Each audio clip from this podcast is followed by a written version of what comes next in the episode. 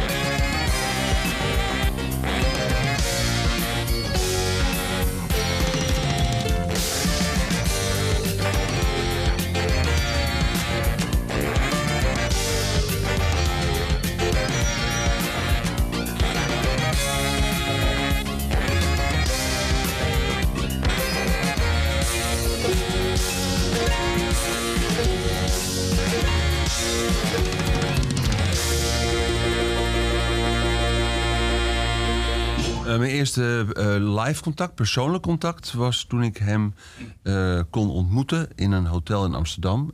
dankzij een link tussen mijn vader en de platenmaatschappij. ik kom uit een omroepgezin, dus we, we hadden veel contacten met, met mensen uit de business. En de, voor velen van mijn generatie beroemde plugger, promotor, Jan Bult, die was er toen bij en uh, die had geregeld samen met mensen van WEA dat ik mijn grote idool kon ontmoeten. Ik was 17, 18 jaar en, en uh, zat nog op eindje middelbare school. En ging toen met een, uh, een cassette recordertje en het fototoestel van mijn moeder ging ik daarheen. En, en kon toen mijn, mijn held ontmoeten. En het gekke is dat het toen gelijk al een soort, soort, soort ja, vriendschappelijke sfeer was. Het was, het was, het was leuk. Het was, hij dacht natuurlijk ook van, nou, wie is dit? Het is helemaal geen journalist en zo. Dus, uh, en dat was de eerste keer dat ik hem echt, ont, echt ontmoette. Dus dat was uh, 1977. Never Meet Your Heroes gaat voor jou dus niet op. Uh, in dit geval, dat, dat, was meteen een, een, een, connectie.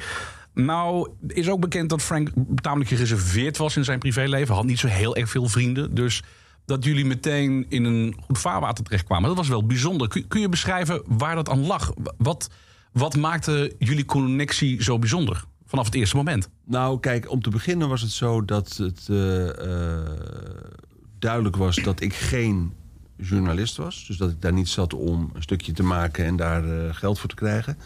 Dat ik het uit pure interesse deed. En in alle bescheidenheid, ik had me heel goed voorbereid. Hij had gelijk door dat ik wist waar, waar ik het over had... als ik het over bepaalde dingen met hem had. Ook al was het de eerste keer heel kort. Maar ehm, en dat ik, eh, ik mocht ook foto's maken van hem en zo. Dus, dus dat, dat, dat, het was niet een awkward situation. Het was gewoon het was een aardige ontmoeting. Mhm. En de, de vriendschappelijkheid kwam later natuurlijk toen ik bleef opduiken. En helemaal toen duidelijk werd dat ik de muziek slash radiowereld inging. Ja. Met welke intentie ging je naar hem toe trouwens? Had je, had je al in je hoofd zitten van dat wil ik weten? Want je, je bent natuurlijk geneigd uh, om al je kennis wat je over zo iemand hebt, om hem over me heen te storten. Uh, hoe heb jij je um, voorgesteld destijds? Tijdens de eerste ontmoeting, weet je dat nog? Hoe ik mij voorstelde aan nou, Ja, precies. Nou, dat is een bijzonder incident wat ik beschrijf in het boek. En, en ik dacht, ik kan het of uh, nooit vertellen... of ik kan het gelijk aan iedereen vertellen. Want het is namelijk heel bizar. Kijk, wat er gebeurde was dit. Ik, ik was heel jong ik was echt, hè, ja, ik zat op de middelbare school en ik wist dat ik mijn idool ging ontmoeten. Ik had hem wel al zien optreden in 1973, dus vier jaar daarvoor. Ging ik naar mijn eerste concert en was daar totaal van ontdaan. Dat was, dat was zo indrukwekkend voor mij. Ik vond het, ik vond het geweldig en, en ik uh, had door omstandigheden al heel snel het volledige oeuvre tot mijn beschikking thuis. Mm -hmm. En. Uh, dus ik, ik was helemaal in die muziek aan het graven. En toen kwam dus de kans om mijn grote idool nou, sterker nog, ik had hem in 76 ook zien optreden. Dus ik had hem al twee keer live gezien. En toen was het voor mij een soort droom om hem dus te kunnen ontmoeten. En in 76 uh, had hij heel lang krullend haar en zag er toch een beetje creepy uit. En echt uh, de, de, de, de Halloween-achtige Frank zoals iedereen hem kent. En toen kwam dus die, die dag dat ik hem kon gaan ontmoeten. En het was laat in de middag. En het was al een beetje donker aan het worden en zo. En ik moest naar een hotel op de Prinsengracht, Hotel. En het zag heel chic uit en zo. En, en ik moest gaan wachten. En uh, ik zit dus in die, in die lobby en, en, en eerst even in de bar en toen weer in de lobby. Want ik werd natuurlijk een beetje zenuwachtig. Ik denk, ja, het gaat nu wel gebeuren. Wauw, wat, wat ga ik zeggen als ik Frank voor eerst een hand geef, weet je wel? Je hebt, je hebt voorkomen gelijk, Tim, dat dat, dat, dat on your mind is. Mm. Maar hij kwam er niet en hij kwam er niet en hij kwam er niet. Maar op een gegeven moment zie ik twee mensen binnenlopen. Die herkende ik van de band. Jerry Bozio en Patrick O'Hearn. En die zei ik, hi. En uh, hi, hi, zeiden ze. Op lift in weg. Vervolgens komen er allerlei freaks binnenlopen. Waarvan een paar met heel lang haar en snorren en baard. Ik dacht, hé, dat heb, heb je hem? Oh nee, dat is hem niet. Is het wel? Nee, het is hem niet. Het is hem niet. Op een gegeven moment komen er twee mannen binnenlopen. Eén... Uh, met ook een beetje Mexican look. En de andere met een beetje rode haar en een baard. En die herkende ik niet echt. Maar ik zei, jullie zitten ook in de Zappa crew. Ja, ja, ja, ja. We zijn de monitor mixer en de lighting guy. En dat waren Tex Abel en Coy Felliston. En ik dacht toen bij mezelf... Frank is er nog steeds niet, dat gaat niet meer lukken. Toen zei ik, mag ik jullie interviewen? Dan heb ik in ieder geval iets. Dus ik ging mee naar een hotelkamer. Heb ik ook foto's van. heb ik een interview met ze gedaan. Het slaat natuurlijk nergens op om twee crewmembers te, te, te interviewen. Maar het was wel heel leuk voor mij. Ja. En uh, nou, op een gegeven moment was dat klaar. En zij gingen de stad in. En ik weer terug naar die lobby. En toen was opeens iedereen weg. En toen ben ik gewoon op een, op, op een stoel gaan zitten. Want ik dacht, ik wacht even tot Jan Bul terug is. En dan hoor ik wel waarom het niet doorgaat of wel doorgaat. En het was een lege lobby. Niet zo'n hele grote. Het is niet zo'n hele groot hotel. En op een gegeven ogenblik komt er iemand aanlopen. In een soort, ja, een soort heel fancy jack. Een hele mooie pantalon en een attaché-koffertje in zijn hand. Heel kort haar leek het eerst. Heel strak naar achteren. Heel klein snorretje. En ik denk, is hem, is hem nou? En hij staat, gaat naast mij staan. Voor de lift. En ik zit in de stoel. En hij kijkt me aan. En ik zeg het meest domme wat ik op dat moment kon zeggen. namelijk, are you Frank Zappa? en hij kijkt me aan van... En, en toen zei hij, I sure am. En loopt de lift in en, en weg is hij. Toen kwam Jan Bult binnen en die zei... je moet even wachten, hij heeft nu een interview met een dame. En uh, daarna ben jij. Mag jij. Ga ik proberen dat jij iets mag zeggen. Toen op een gegeven moment moest ik mee naar boven en het interview was net klaar. En de fotograaf was bezig. Gijsbert Hanekroot. En uh, ik mijn cameraatje en mijn cassette recorder in de aanslag. En op een gegeven moment zegt hij tegen, uh, tegen Zappa... Hij zegt tegen mij, even wachten, ik ga nu proberen. En hij zegt, uh, Frank, dit is Co. Uh, zijn vader is een uh, bekende van mij van de radio. En Co is een grote fan en die wil je ook een paar vragen stellen. Mag dat? En Frank kijkt me aan. En op het moment dat Jan zegt, he's a real big fan... kijkt hij me aan en zegt, and you still had to ask if it was me... when you saw me in the lobby. en toen dacht ik, oh, fuck. en toen zei hij, you were just being careful, huh? En de reden waarom ik dat kan citeren... is omdat ik het allemaal band heb. Ik had namelijk mijn band al aan. Mm -hmm. en, uh, en toen uh, zei hij gaan zitten... en toen heb ik dat interviewtje gedaan, mini-interviewtje. En foto's gemaakt en, uh, en de volgende dag naar het concert. En, en dus dat, dat, dat was de ontmoeting. Zo'n vriendschap ontstaat, hè? Dat, je, je komt hem vaker tegen. Uiteindelijk ga je ook projecten met hem doen, komen we zo meteen op. Wat was het tweede contact waardoor je dacht... oké, okay, ik, ik kom langzaam maar zeker meer in zijn inner circle. Hoe ontstond zoiets? Nou, wat er gebeurde is het volgende. Uh, hij wist dat ik richting conservatorium aan het gaan was. En hij wist dat ik heel ge geïnteresseerd was in produceren. Want eigenlijk, er waren twee mensen die mij eigenlijk een, de productiekant opgeduwd hebben... die ik persoonlijk heb kunnen ontmoeten. Eentje heel vluchtig via mijn vader. Dat was Rob Tauber, die in die tijd met Gerard Reven programma's maakte. En daar was mijn vader bij betrokken. Dus Reven en, en Rob Tauber waren een paar keer bij ons thuis. Dat maakte diepe indruk op mij. Ja, wauw. Toen was ik nog jonger trouwens. Ja. En dus dat producer, dat vond ik altijd wel heel interessant. En Zappa, dat natuurlijk vond ik ook als producer heel interessant. Dus hij wist dat ik daarmee bezig was. In Vogelvlucht, in 78 was het meer alleen maar gedag zeggen. Uh, dat was de band met Blue. Maar een belangrijk schakelmoment was in 79, want toen gebeurde het volgende. Er was een persconferentie op de, een van de bovenste verdiepingen van het Okura Hotel in uh, Amsterdam. En uh, ik mocht daarbij zijn. En toen had ik een, uh, een deal gemaakt met de helaas heel jong overleden Willem van Beuzenkom. Uh, die een programma maakte dat heette LP-tuin. En uh, die zei, als jij een interview met Frank kan maken... dan ga ik dat uitzenden over twee weken. En toen mocht ik dus een, in plaats van mijn kleine cassette recordertje... Een, kreeg een nagra mee. En toen had ik tegen de mensen van de platenmaatschappij gezegd... er was een, er was een stoel voor Frank... en er was in een soort hoefijzervorm een, een grote bank omheen... waar al die journalisten gingen zitten. En toen zei ik, ik wil naast hem zitten... want ik moet hem interviewen. Ik ben de enige van de radio. Mm -hmm. Dus met mijn microfoon wil ik naast hem zitten. En de rest interesseert me niet. Ze zei, oh, dat is goed. En het waren mensen van CBS inmiddels, want hij was uh, weg bij WEA. En uh, het was ter promotie van Shake Your Booty. En vanwege het concert wat hij uh, ging geven de, de, dag erop. En ehm, ik zit bij die persconferentie. En er ontstaat een hele rare sfeer. Het begon er al mee dat al die journalisten aan het zuipen waren. En ze wilden Frank uh, ook whisky geven of zo. En toen zei ze, wat wil je drinken, Frank? En toen zei hij, koffie. En dat hadden ze niet. En toen dacht ik van, ja, hallo, je weet toch als Frank er is, moet er koffie zijn. Maar oké. Frank is een grote, uh, was een grote koffie-innemer. Dat, kan je- dat kan je zeggen, ja. Ja, en ja. en eh, dus we moesten hals over kop werd er koffie gehaald en zo. Dus het begon al een beetje rommelig. En op, er kwamen allemaal van die, van die vragen op hem af. Dat je dacht, die mensen hebben het persbericht gelezen als ze het al gelezen hebben. Dus er ontstond een wat korzelige sfeer hier en daar. En het werd een beetje routine. En, da, da, da, en eigenlijk niet echt leuk. En ehm, op een gegeven ogenblik eh, eh, begon iemand een van zijn bandleden te dissen. Die begon van ja, je hebt die zanger nu en het is helemaal niks. En dit, dat is Oh. echt van eh, een rare, een rare sfeer. Hè? En ehm,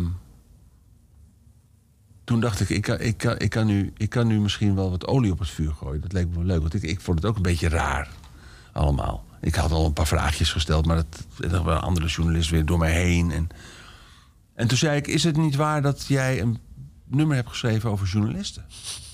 Namelijk het nummer Packard Goose van de plaat Joe's Garage. En toen zei hij, eh, ja, dat klopt, zei hij. En toen zei een of andere journalist heel guy van... ja, maar dat hebben al zoveel mensen gedaan, blablabla. Dus de sfeer werd alleen maar rarer. En toen zei Frank, die zei iets, en ik parafraseer... maar het staat, het staat ook op mijn website, eh, dat, dat kleine fragmentje. Eh, maar hij zei iets in de sfeer van... van ja, het is goed dat, eh, dat wij artiesten over journalisten schrijven... over jullie schrijven, want hij zei... de enige manier waarop een journalist zelf hip kan doen... is om gekke kleren aan te doen... of zelf een beentje te beginnen. Hij zei, want het is heel moeilijk om jezelf te profileren... als je alleen maar achter een schrijfmachine zit. En toen eindigde hij met de woorden zo... um, It's better just to be an asshole and wait for somebody to write a song about you. Because the only other way that a rock and roll journalist has of being famous is to dress weird, form a group himself or herself, or it's very difficult to distinguish yourself with a typewriter, you know. So it's better just to be an asshole and wait for a group to write a song about you. Ja, toen was de sfeer dus weg. Begrijpelijk ook. Ja, ja, ja. En toen zei hij op een gegeven ogenblik tegen mij...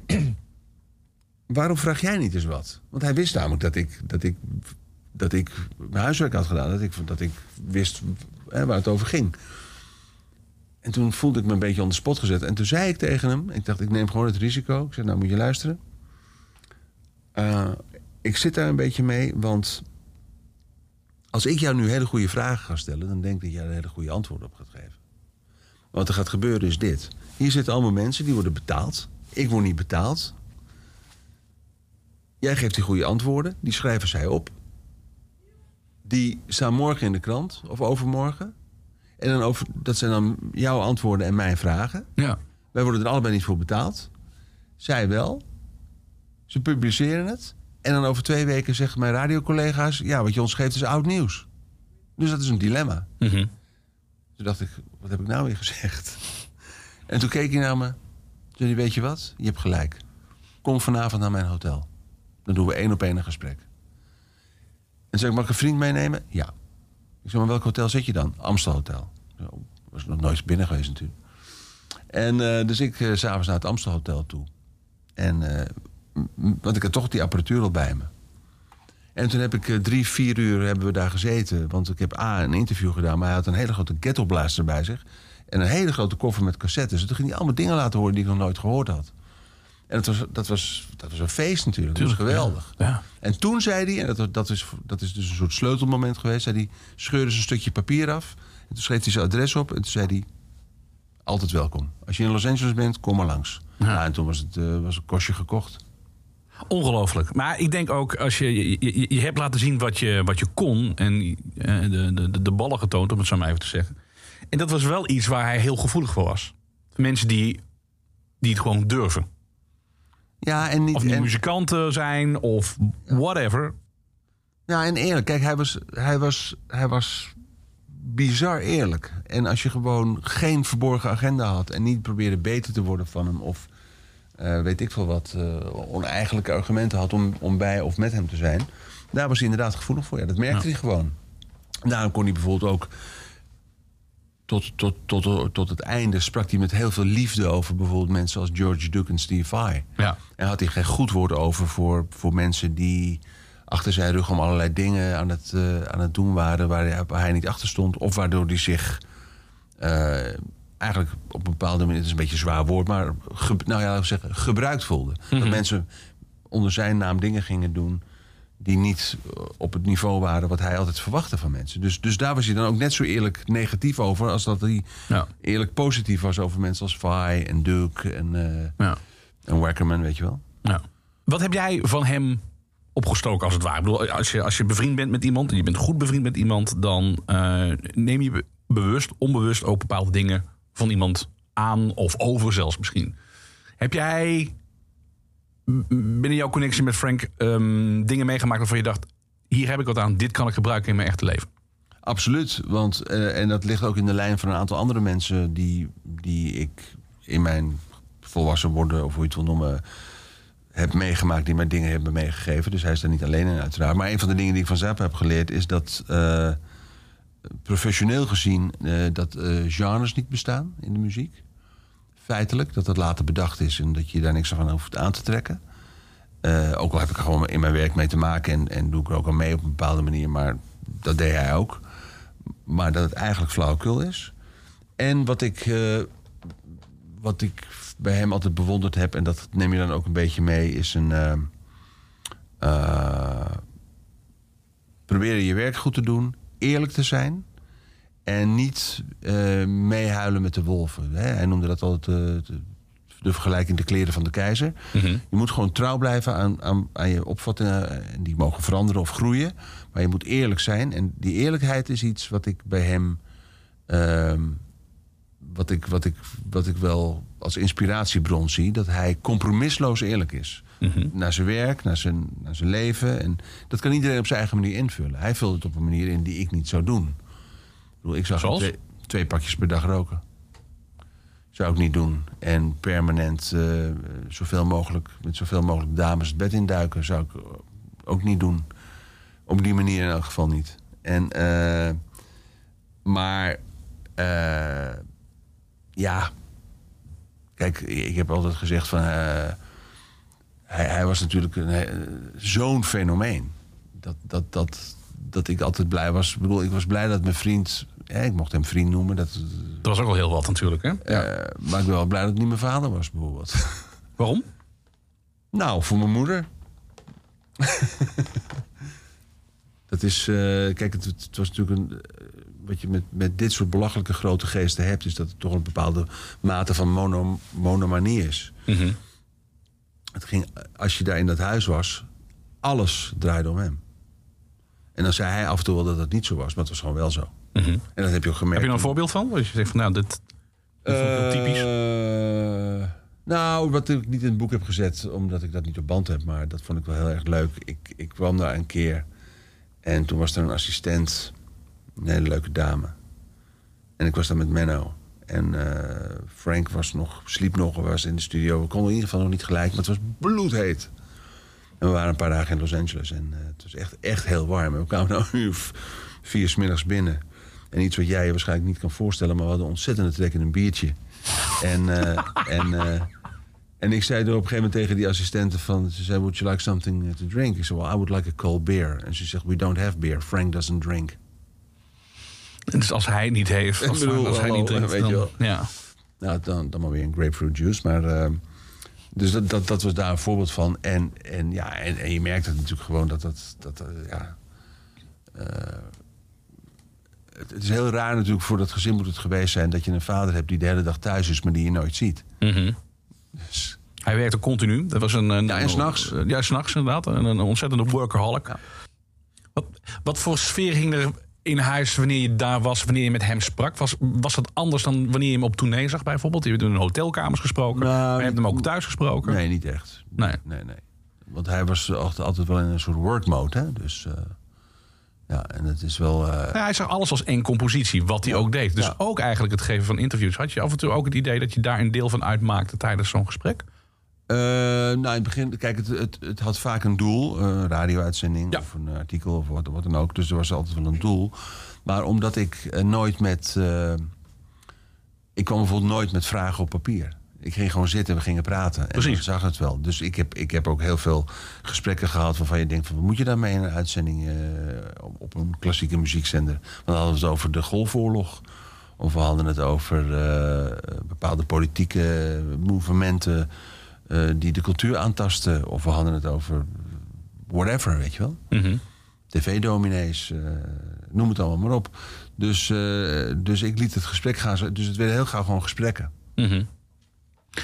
Hij was hyperintelligent. Hij kon overal over mij praten. Zonder dat hij echt heel veel las. Hoe heeft hij, denk jij, al die informatie, al die subculturen die hij bezong, al die dingen die op dat moment speelden, hoe heeft hij dat opgezogen? Ik denk, ik denk heel erg veel door gesprekken te voeren. Hij praatte met heel veel mensen. Ook met heel veel mensen buiten de muziek. En, eh, en, hij, en hij keek heel veel televisie.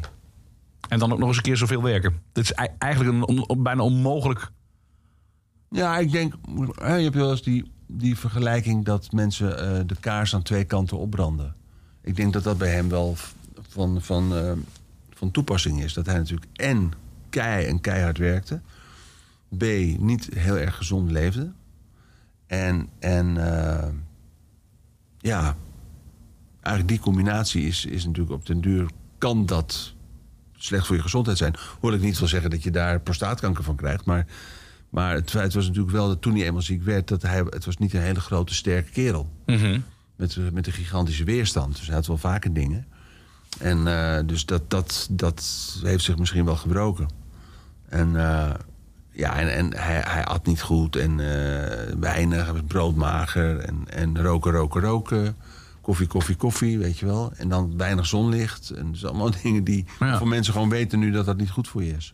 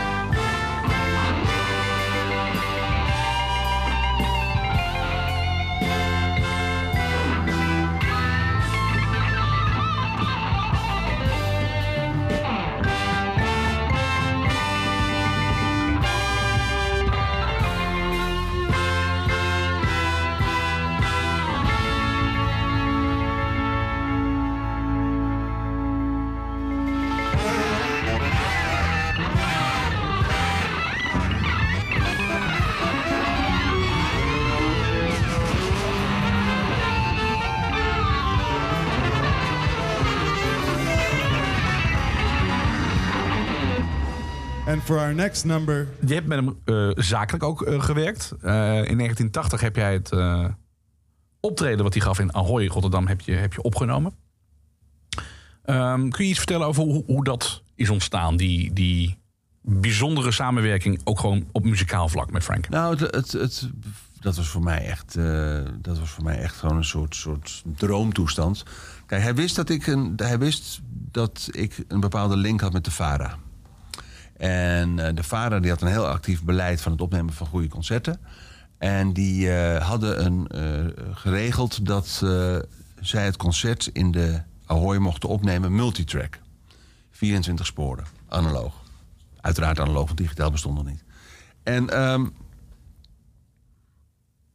toen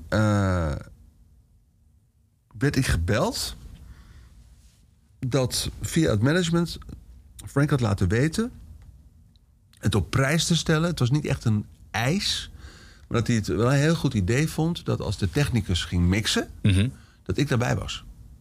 Omdat ik zijn muziek goed kende. Hij had geen tijd om erbij te zijn, maar toen zei hij: laat Code er nou bij zitten, want die kent mijn muziek en dat is voor jullie bespaart dat tijd, want die kan jullie cues geven.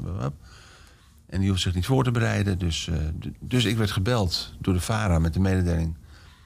Via Zappa hebben we begrepen dat het goed is als jij bij die mix bent. Ja, toen dacht ik van, zullen we nou beleven? Maar hij wist dus dat ik producer wilde worden. En dat ik al muziekervaring had, Ja. zei het pril.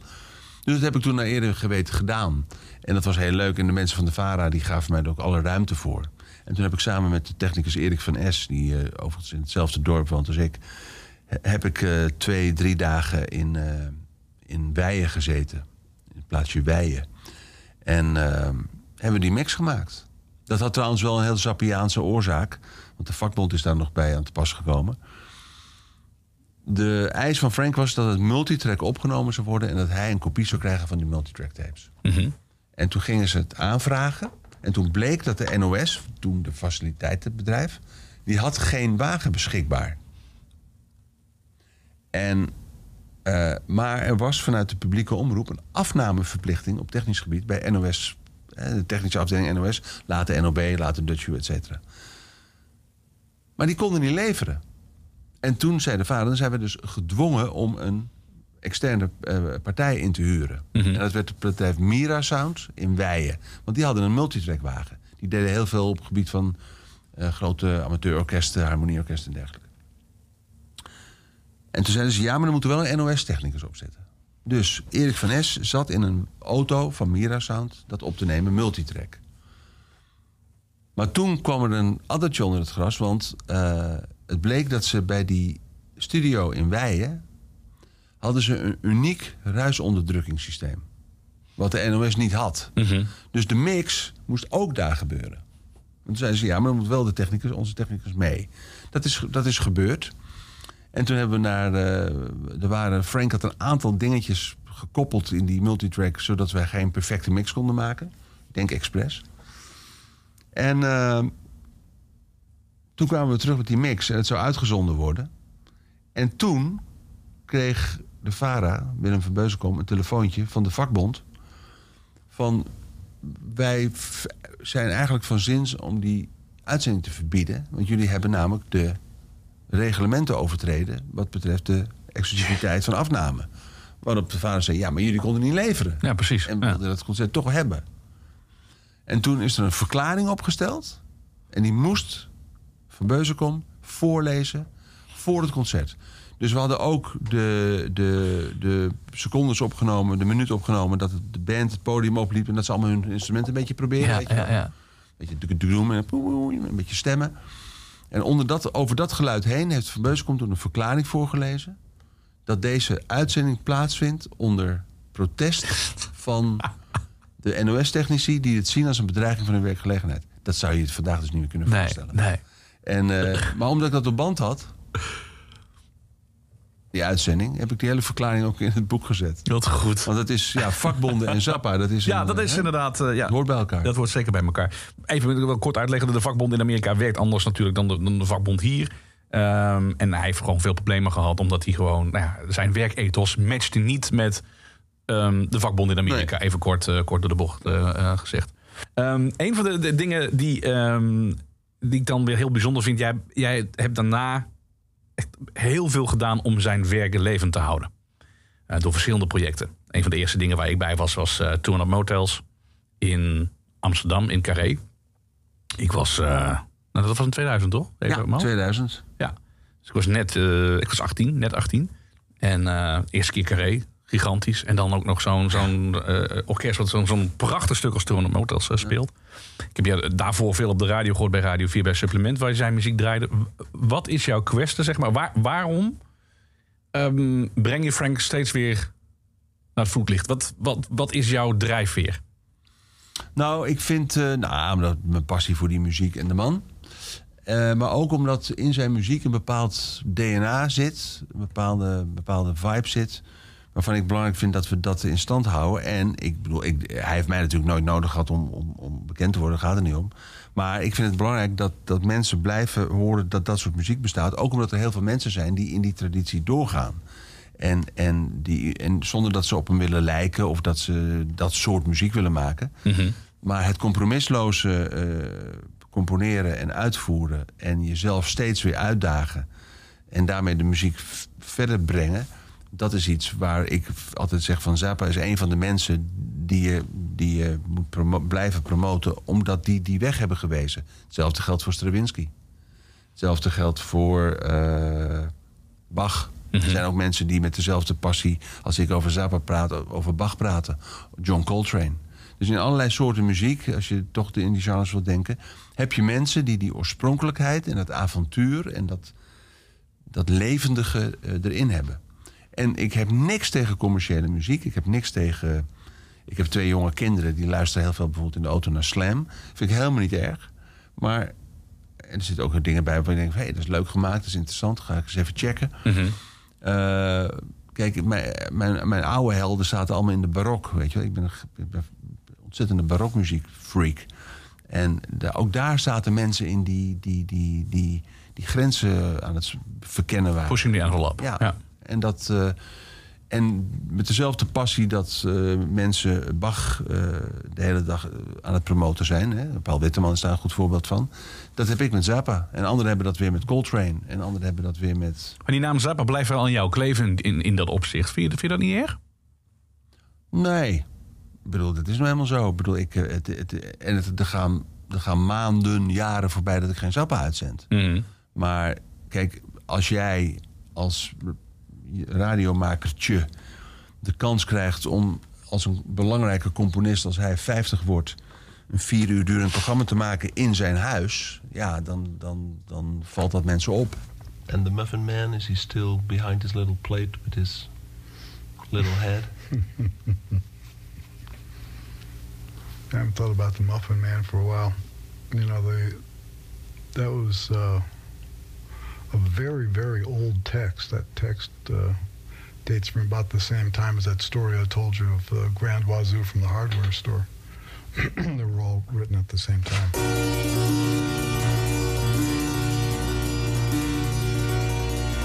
The Muffin Man is seated at the table in the laboratory of the Utility Muffin Research Kitchen. Reaching for an oversized chrome spoon, he gathers an intimate quantity of dried muffin remnants and, brushing his scapular aside, proceeds to dump these inside of his shirt. He turns to us and speaks. Some people like cupcakes better. I, for one, care less for them. Arrogantly twisting the sterile canvas snoot of a fully charged icing anointment utensil, he puts forth a quarter ounce green rosette. Let's try that again. He puts forth a quarter ounce green rosette near the summit of a dense but radiant muffin of his own design. Later, he says, Some people, some people. like cupcakes exclusively, while myself I say, There is not, nor ought there be, nothing so exalted on the face of God's gray earth as that prince of foods, the muffin. Girl, you thought it was a man, but it was a muffin. He hung around till you found that he didn't know nothing. was a man, but he only was a puffin. No cries was heard in the night as a result of him stuffing.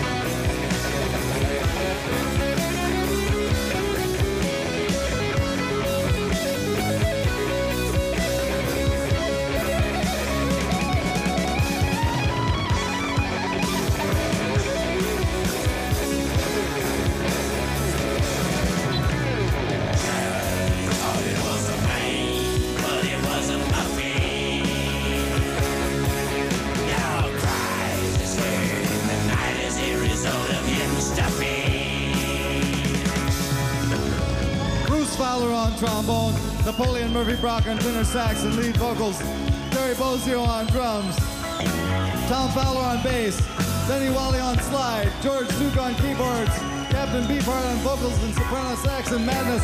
Thank you very much for coming to the concert tonight. Hope you enjoyed it. Good night, Austin, Texas, wherever you are.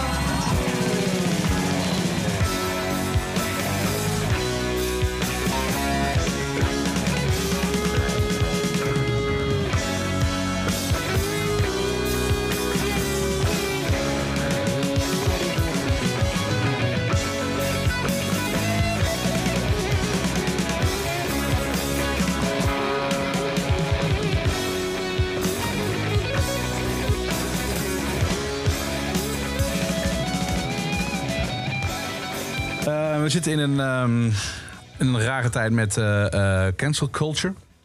Waarin ehm, dingen niet meer in perspectief wordt gezien en ook vaak niet meer in de context. Bepaalde humor, bepaalde eh, boodschappen enzovoort. Dus bijvoorbeeld een, simpel voorbeeld: Fairy Tale of New York van de Pokes wordt niet gedraaid op BBC Radio 1 vanwege het woord faggot. En daar zouden wel eens tere oortjes aanstoot aan kunnen nemen. Het is ongekend, maar dat gebeurt op dit moment. Ik ben heel blij dat aan de ene kant dat de muziek van Frank Zappa niet zo heel erg bekend is bij dat publiek. Want ik ben heel bang dat wanneer ze dat ontdekken, dat we ehm, daar echt gezeik mee gaan krijgen met, met bepaalde liedjes die dan al helemaal niet gedraaid gaan worden op de radio. In hoeverre zijn nummers als Jewish Princess, Catholic Girls, ehm, zijn die nog steeds relevant anno nu? En vind je dat het nog steeds kan? Eh, je, je, je doet een paar aannames waar we het even over moeten hebben. Je, je zegt, zijn ze nog steeds relevant? Vraag is, waar is ooit relevant?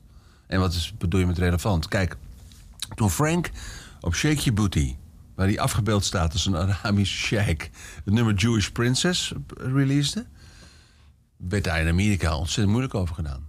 Toen al. de ADL, een Joodse organisatie, die is bovenop hem gesprongen. Antisemitisme dit, antisemitisme dat. Franks verweer was, en dat... dat en je kan, kijk, over smaak valt niet te twisten. Je kan zeggen bepaalde dingen, nou, nou, nou, weet je wel. Maar dat is smaak. dat is, dat is, ik vind smaak geen juridische term. Maar wat Frank zei is van... Kijk, wat ik doe... Ik ben een social commentator. Ik zie iets en dat schrijf ik op. Wat is daar fout aan? En eh, dus, dus wat dat betreft is het nog steeds relevant. Want ik heb bijvoorbeeld in mijn verzameling... eh, ik verzamel kookboeken. Een van mijn kookboeken heet The Jewish Princess Cookbook. What does a Jewish girl make for dinner? Reservations. Ik bedoel, dus dat, dat, dat, dat staat er allemaal in. Ja. What's her favorite wine? I want to go to Miami. Ik bedoel, dat... dat en, en, maar dan, en Frank, en Frank, Frank, die had als, eh, Frank had als, eh, als basisvraag... Why not? Wat, wat, wat, wat, is daar, wat is daar erg aan? Ik, eh, ik deed laatst een gesprek met iemand die zei van... ja, eh, hoe zou je Franks muziek noemen? Ik zei, het is gewoon muziek. Ik bedoel, hij, hij, hij maakt van alles. Het kan elektronische ex- experimentele muziek zijn... tapecollages, rock'n'roll, eh country en western... big band, symfonisch, kamermuziek... eh, gesprekken... eh, bedoel, ja, maar mensen, die, mensen hebben de behoefte om muziek te plaatsen. Ik zeg, maar dat is het probleem van de mensen, niet van de componist. Ja. Dus we gaan in dit geval ook op. Dus met een tekst als Jewish Princess of, of Catholic Girls. Ja, kijk, ik vind, ik vind dat als iemand moeite heeft met een tekst... dan eh, is er in een beschaafde samenleving, vind ik, één iemand die daar iets van mag vinden. En dat is de rechter. Heel simpel. Als, jij, als jij zegt, dit vind ik... eh, dit vind ik zo grof of leuk of wat je het wil noemen... dat ik het onwettig vind... dan heb je de mogelijkheid om aangifte te doen. En dan zegt de rechter, meneer eh, Op het Broek... u heeft volkomen gelijk. Of ze zeggen, nee, dat vinden we niet. Dat moet gewoon kunnen. Nou, dan ben je toch klaar? yes.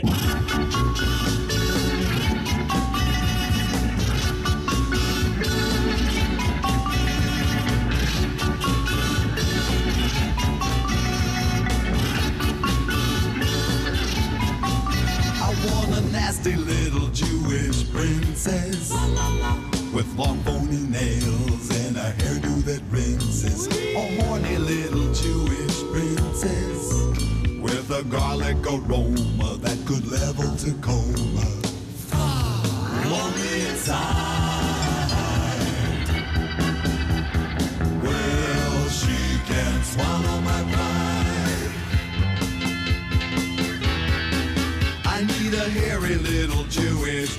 With a brand new nose who knows where it goes. I want a steamy little Jewish princess with overworked gums who squeaks when she comes.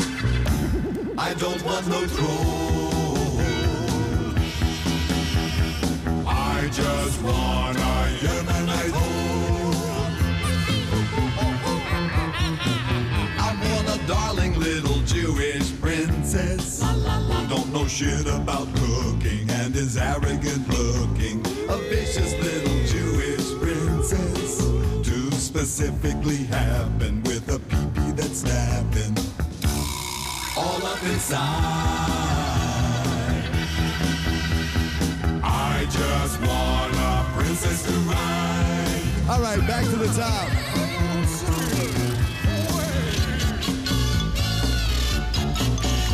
Everybody twist.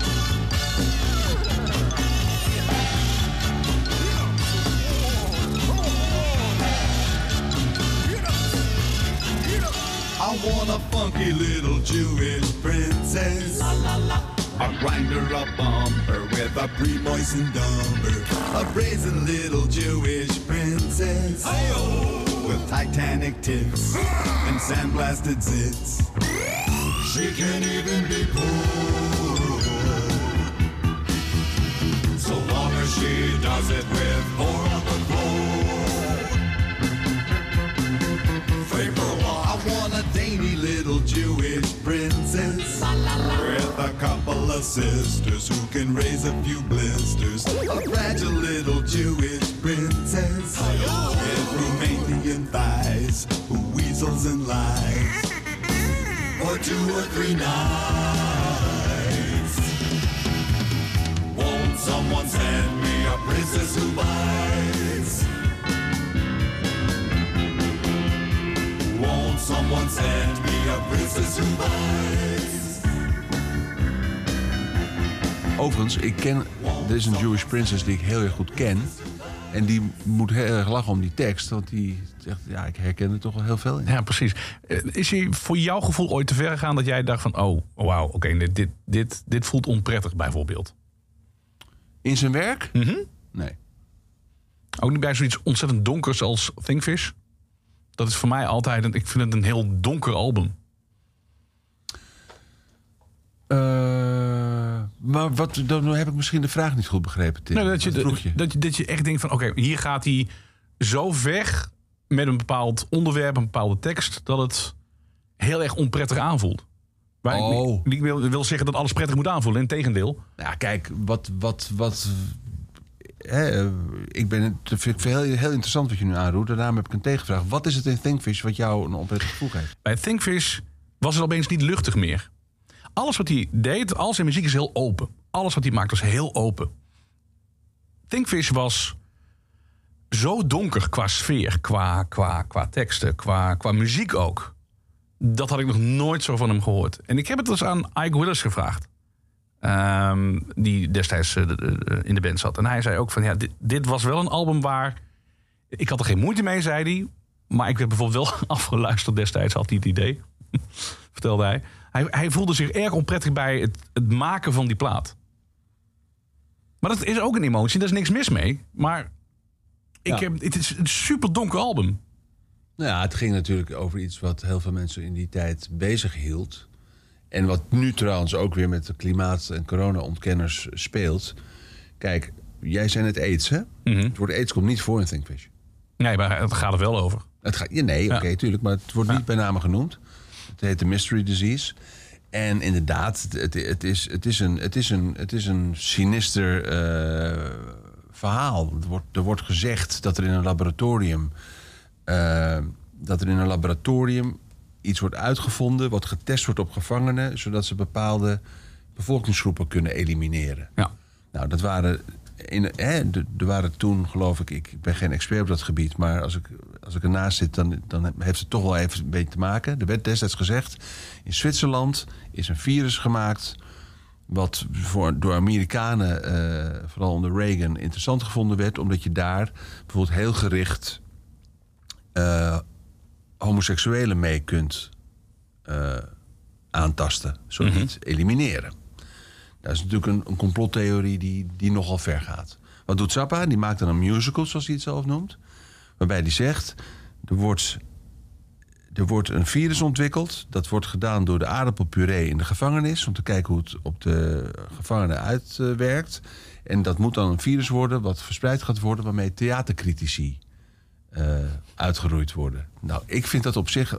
dat heeft ook al iets geestigs voor mij. Dat je zegt van...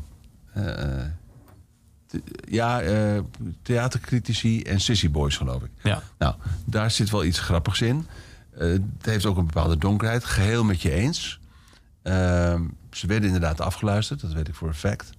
En eh, het was zelfs zo dat Zapp op een gegeven moment aan Willis heeft gezegd... dit gaat politiek consequenties hebben, je kunt je terugtrekken. Dan ben ik niet beledigd. En toen heeft Willis gezegd, nee, I'm in. Wat maakt het nou Sappiaans? Het maakt Sappiaans dat ondanks die donkerheid... er ook een aantal passages in zitten die uitermate eh, seksueel getint zijn... waarbij op een gegeven moment zelfs een meisje zingt... Jingle bells, jingle bells, jingle all the way... Oh, fun it is to ride to Chicago every day. Nou, ik vind dat niet echt heel donker, maar erg grappig. Ehm, en, eh, en wat het natuurlijk, de, de, de, de totale saus die het heeft, voor mij, is dat hij er natuurlijk voor gekozen heeft om de hoofdpersoon in inderdaad een toegegeven donker verhaal te laten zijn een kopie van iemand uit een comedy radio show uit de jaren 40, 50. Namelijk Kingfish uit Amos and Andy. Waar hij al aan refereert in het nummer You Are What You Is. Dus, dus, dus, het, het- dus die gelaagdheid heeft het toch wel. Is het een van zijn beste, beste gelukte projecten? Nee, dat vind ik, ben ik volkomen met je eens. Ook omdat hij bijvoorbeeld heel veel er zit heel veel gerecycled materiaal in. Er heel veel oude tapes gebruikt. Die, Ja, ik wil niet zeggen dat het niet geslaagd is. Voor mij is, het, is dat album altijd een, een, een donkere vlek geweest. Puur omdat ik, ik vind hem heel moeilijk om hem uit te zetten. Het, het, het vraagt heel veel van je. eh, op, op, op verschillende manieren. Dat is, dat is verder ook geen punt, maar daarvoor moet je in de stemming zijn. Maar ik vind het ook uit het hele genre, wat ik al zei. Eh, nou goed, je, je haalt nu wel een paar lichtpuntjes aan op het album inderdaad. Wat ik, wat ik even weer, ook weer vergeten was. Maar de hele sfeer die eromheen zit is zoveel meer donker dan in Joe's Garage. Wat ook eh, een, een, een, een musical is, bij wijze van spreken. Dit, dit is... Nou ja, kijk, het heeft een maatschappelijke, het heeft een maatschappelijke link. Want de- hij, hij, hij vond het wel erg dat er gebeurde wat er gebeurde. En AIDS was toen natuurlijk ook een, een, een, een tijdbom voor veel mensen en zo. En, eh, en hij was in die, in die tijd ook wel met, met donkere, eh, heavy onderwerpen bezig. Hè? Kijk, eh, de, de, de financiering van, van Thingfish, ook de, voor de pogingen om het theatraal te doen. Hij had heel veel contact met Larry Flint. Dat was ooit begonnen met een advertentie die Larry Flint wilde zetten. Een politieke advertentie in een blad. En hij had aan Frank gevraagd, of in een krant zelfs. En hij had aan Frank gevraagd om daar de redactie van te doen. Dus er was een link tussen Larry Flint en Zappa. Sterker nog, hij heeft voor Larry Flint ooit een, een soort demo-version gemaakt van Thinkfish. Want, want die zou financiering doen. En ze waren goed bevriend. Dat ging toen al over heavy onderwerpen. Want Zappa had heel veel last van de Reagan-administration. Flint ook. Dus dat, dat, dat had een bepaalde band eh, geschapen tussen die twee. Maar wat ik bijvoorbeeld, als je, als je de donkerheid van Thinkfish, als je dat da- daarmee bedoelt, de maatschappelijke relevantie, zou je ook kunnen projecteren op een plaat als The, The Mothers of Prevention. Waarbij die dus de hele censuurdreiging aan de kaak stelt. Ja, maar dat is dan weer ja, op de een of andere manier. Ik, ik ga Thinkfish vanavond nog een keer terugluisteren met, met jouw commentaar in mijn achterhoofd. Dan vind ik Prevention een, een stuk luchtiger of meer, meer open. Het is meer open. Dat is bij, bij, Frank wat me altijd zo heeft aangetrokken aan zijn muziek. Nou ja, wat, wat, wat, wat natuurlijk ook een rol speelt, en dan gaan we wel heel erg de diepte in, heel erg. Maar daar is de technisch- podcast voor, dus technisch analytisch Dat kan. worden. Kijk, Thinkfish is natuurlijk ook ehm, een plaat gemaakt in de periode dat hij zijn eigen studio tot zijn beschikking had. Dus tegen bepaalde beperkingen niet aanliep. Dus, dus als, ja, als hij de studio inging, eh, dan, dan maakte hij een plaat en dan, dan was er een eindpunt in zicht van we gaan nu de studio weer uit. En binnen die tijd had hij een creatief proces. Toen hij zijn eigen studio kreeg, zag je dus dat hij soms dingen deed die zo ongelooflijk opgestapeld waren, omdat hij, hij kon doen wat hij wou. Hij kon net zo lang eraan werken als hij wou. Dus misschien dat dat ook wel, hè, net zoals dat je bijvoorbeeld in het begin van de CD ja. hele rare mixen ging horen. Ja. Weet je wel, dat mensen opeens dachten: oh, dit kan nu, dus dan gaan we dat ook doen. Ja. En dat is niet altijd misschien de meest creatieve eh, drijfveer. Eh, ik heb Thinkfish altijd heel grappig gevonden. Ook omdat hij, omdat hij wel natuurlijk het omgaf met een aantal hele idiote dingen. En, en ik kan me ook best voorstellen dat mensen als Terry en Dale Bozio... enigszins spijt van hebben dat ze zich ervoor geleend hebben. Want, want ja, eh, ik, ik kende mensen die gewoon voor hem werkten destijds. Die gewoon in het huis werkten. Die vonden het vreselijk. Ik bedoel, er, waren, er waren dames die er werkten. Die zeiden, we willen die plaat niet eens in huis hebben, weet je wel. Oké, waarom? Omdat- die, die vonden dat een soort, die vonden het toch een soort audioporno. Mhm. En als je dan een beetje een braaf meisje bent, een beetje preuts, dan, ja, dan moet je niet naar Thinkfish luisteren. Nee. Anything you say, Master. Take me. I'm yours. Jingle bells, jingle bells, jingle all the way. Oh, what fun it is to ride Lord. Look at you, boy. Chain through the nipples and ever goddamn thing. You a sick white motherfucker, ain't you? Bells on bobtail ring, making spirits bright. Oh, what fun it is to ride to Chicago every night. For Christ's sake, Rhonda. Have you no shame? Uh, y'all make up your mind yet about the mammy of your dreams? You bet. I've waited all my life for this moment. My heart is fluttering. If only I could submit myself on approval for a limited time only to, to that nasty little rubber mammy on your knee. Sister Abdullah X? The mystery sister? Y'all wants to party hardy with the miniature rubber mammy with the string on the back? Yow! Didn't you get enough abuse from the other bitch when you was living in the cardboard hut? Harry? Harry? Uh, ha- hey, Harry? Fucking worm! I wanted the boss, Harry! Not now, dearest. Please. This is serious. Little mammy, what'll it be? Hips or lips? You're a worm. a fucking worm! These are my tits, Harry. I have tits. Look, look at me. Look at my wonderful tits, you fucking worm. I'm going to pretend I'm squirting them on you. Oh, wee! Almost got you. Not now, Rhonda. Oh, oh, oh, oh, I love this.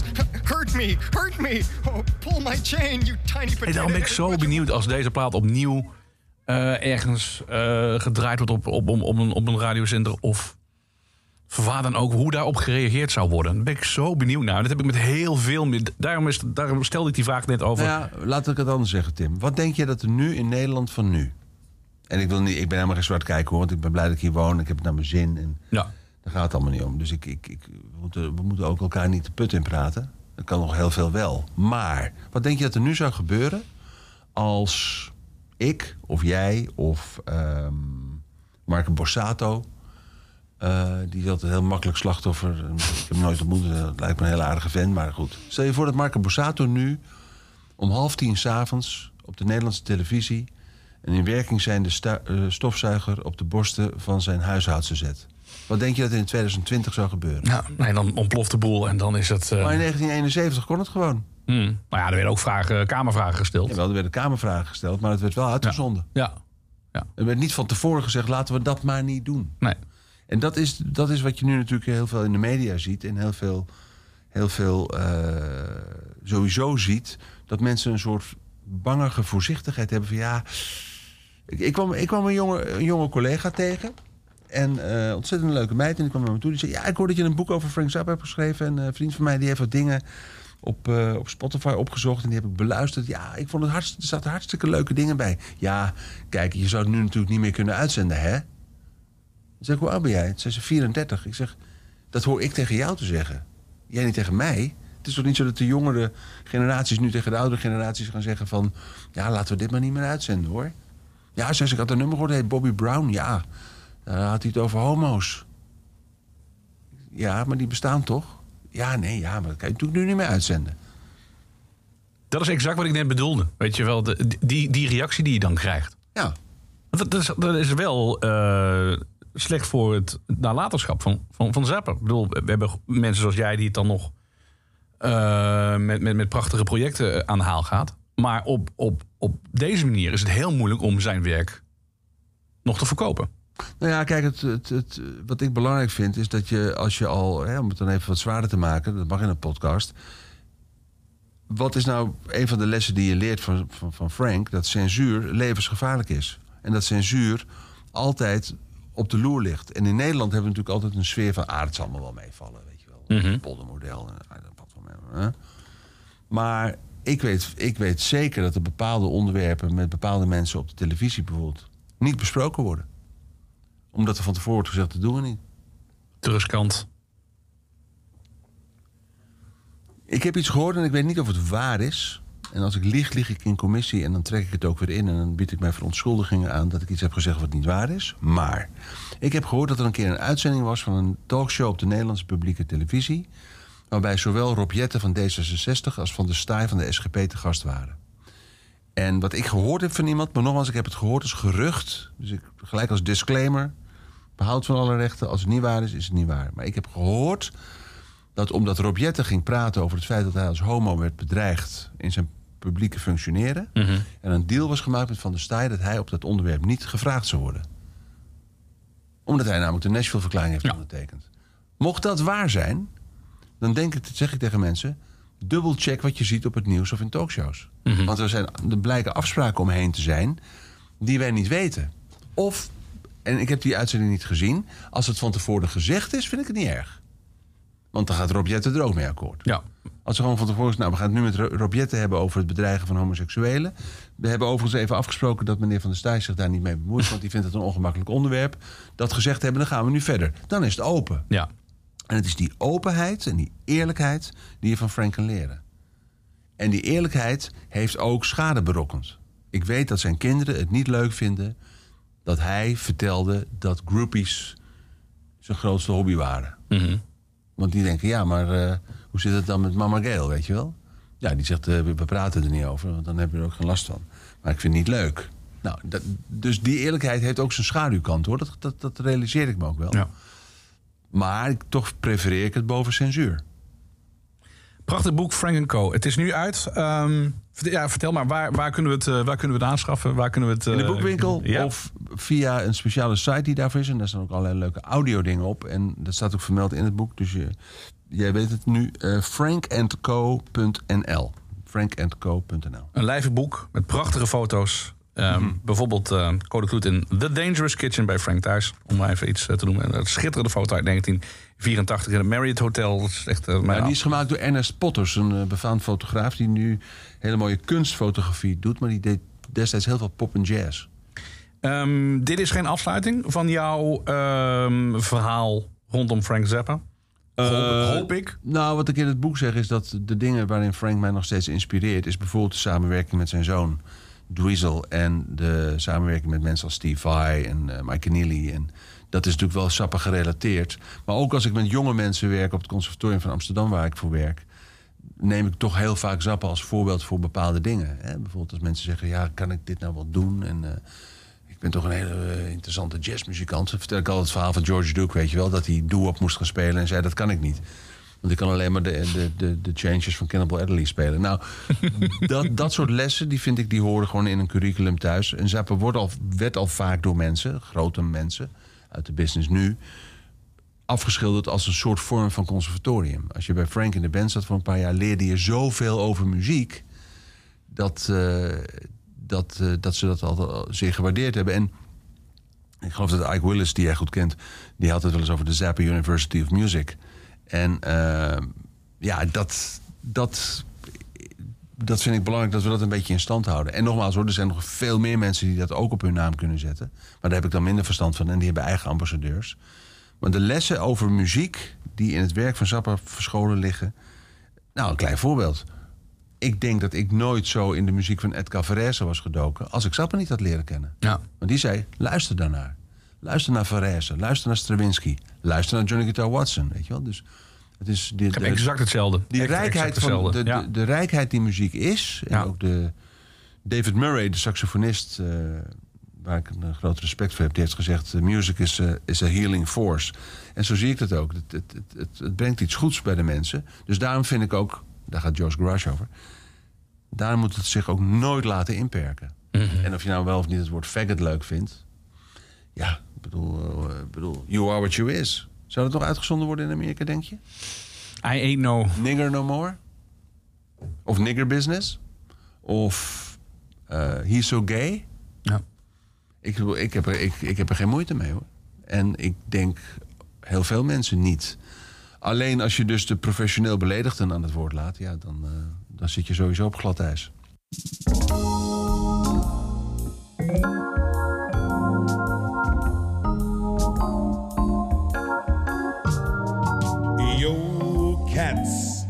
Yo, yo. Yo, chooch.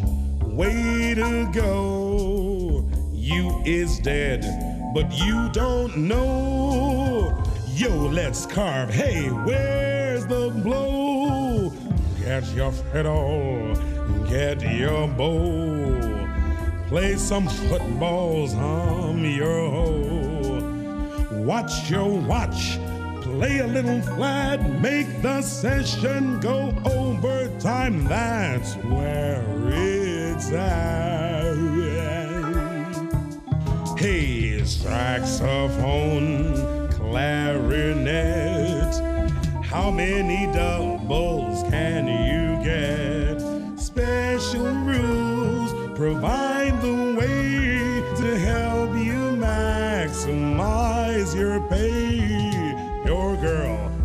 Arlen's, what's the diff?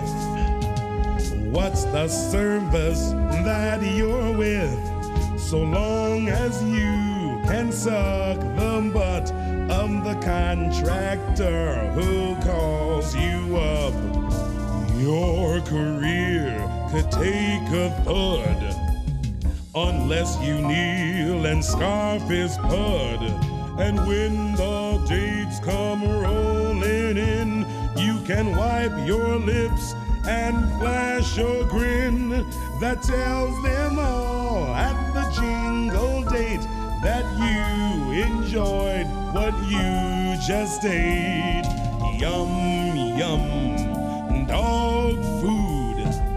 Hemorrhoid cream, but the bread's so good. New RV and the leisure suit. Hey, play shit, but I love that loot. Thank the union, it's so great. Only a few get to be on the date. Those other schmucks with electric guitars got to play for Poot in the B bars. You have made it. You are cool. You have been to the Berkeley School. You give clinics on the side. Music has died. And no one cried. Your